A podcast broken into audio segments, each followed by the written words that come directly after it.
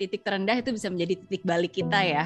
Uh, tapi kalau saya bisa bilang titik terendahnya pada saat itu bukan pas lagi kerusuhan 98 di Jakartanya, tapi mm -hmm. ketika gara-gara kerusuhan 98 akhirnya saya harus pindah ke Singapura sendiri merantau dan uh, hidup apa ya penuh dengan keterbatasan di sana justru ya ketika saya sendiri di sana itu yang menjadi titik terendah saya karena pada saat itu terus terang saya nggak ngerti apa yang terjadi di Indonesia saya nggak tahu kenapa tiba-tiba hmm. bisa terjadi seperti itu karena kan namanya juga anak baru lulus SMA ya yang biasanya kita ngeliat kiri kanan semua baik-baik saja gitu kan kok tiba-tiba ternyata seperti itu gitu nah dan akhirnya ya karena orang tua uh, waktu itu cukup khawatir dengan kondisi masa depan dan kebetulan juga uh, pada saat itu pemerintah Singapura mengulurkan bantuan kepada beberapa pelajar di Jakarta.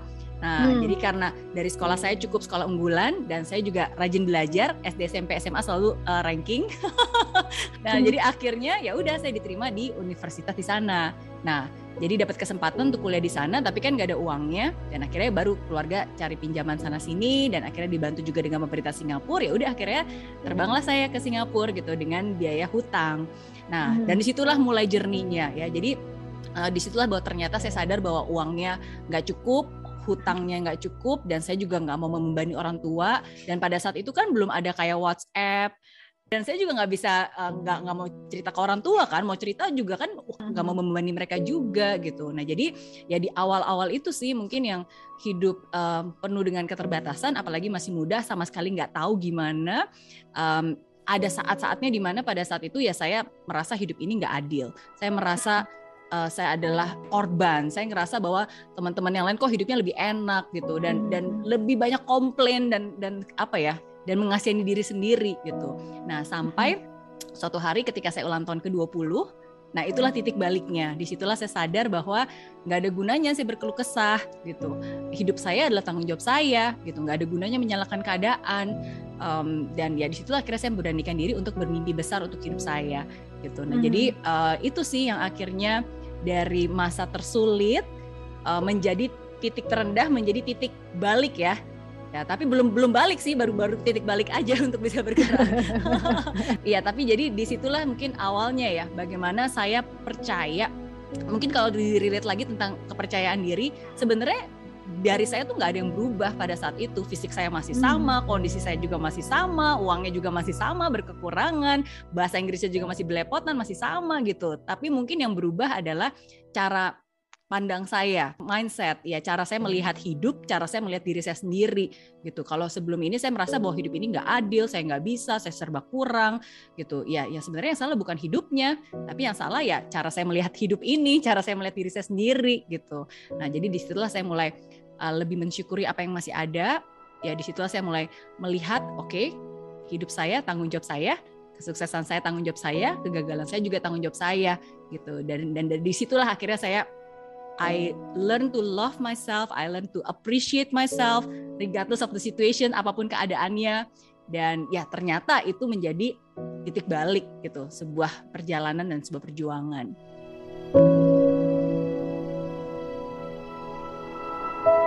Ketika kita masih denial, masih enggak saya enggak gini saya oke okay, sih itu ya itu akan sulit untuk berubah ya kan karena perubahan kan berawal dari sebuah kesadaran gitu. Nah jadi satu saya sadar, saya tahu uh, dan dan saya sadar dan saya percaya satu hal. Mungkin ini selalu kembali ya di saat kita berada di titik terendah itu kayaknya kita selalu kembali ke ke akar kita.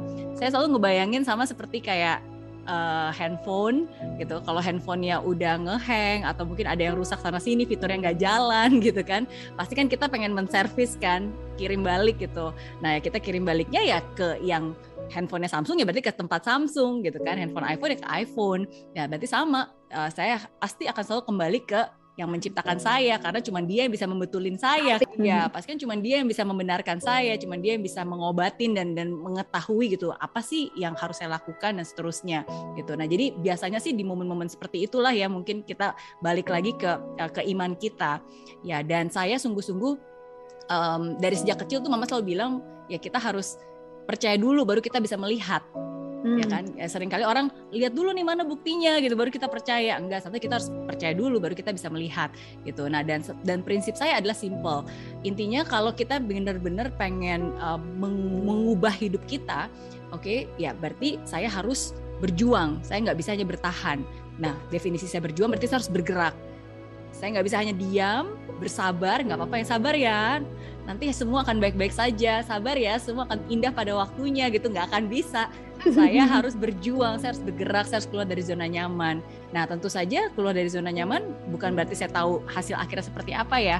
Belum tahu juga uh, langkah-langkahnya seperti apa exactly nggak tahu. Tapi saya tahu saya harus bergerak. Nah jadi di situ akhirnya saya mulai ya udah saya mulai nyari kerjaan saya mulai uh, apa cari pekerjaan dan saya nggak mau nunggu sampai saya kelar kuliah baru melakukan sesuatu. Uh, walaupun begitu nyari kerjaan juga ternyata nggak dapat kerjaan karena nggak punya izin kerja gitu. Tapi saya udah tekad pokoknya saya harus bergerak. Intinya saya harus bergerak. Hanya dengan saya bergerak hanya dengan saya berjalan saya bisa mengubah keadaan. Ya akhirnya udah dari kerjaan bagi brosur kerja di toko bunga ya kan. Dari situ akhirnya ya hidup memberikan saya kesempatan uh, walaupun uangnya masih belum banyak tapi hidup memberikan saya ketangguhan. Dan ya memberikan saya sebuah harapan sih gitu. Nah baru dari situ akhirnya ya uh, you have to trust the process sih menurut saya. Jadi buat anak-anak muda yang lainnya yang mungkin sekarang berada dalam titik terendah nggak percaya diri mm-hmm. you have to move on. Kuncinya harus bergerak. Nggak bisa hanya diam mengisolasi diri dan meratapi diri itu nggak akan. Iya masing-masing punya tugas ya, ya. jadi um, kita punya tugas, Tuhan juga punya tugas. Tugas kita adalah proses. Tugasnya Tuhan adalah hasil. Yang penting kita jalanin prosesnya, ya hasilnya nanti ya terserah dari Tuhan.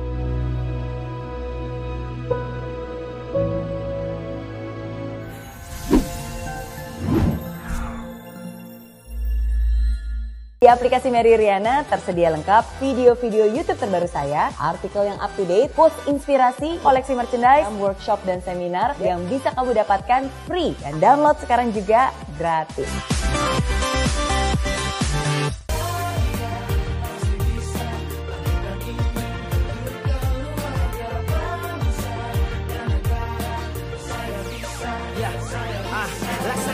tanpa hujan Hidup tanpa tujuan Kering dan mati tanpa hijaunya tumbuhan ah.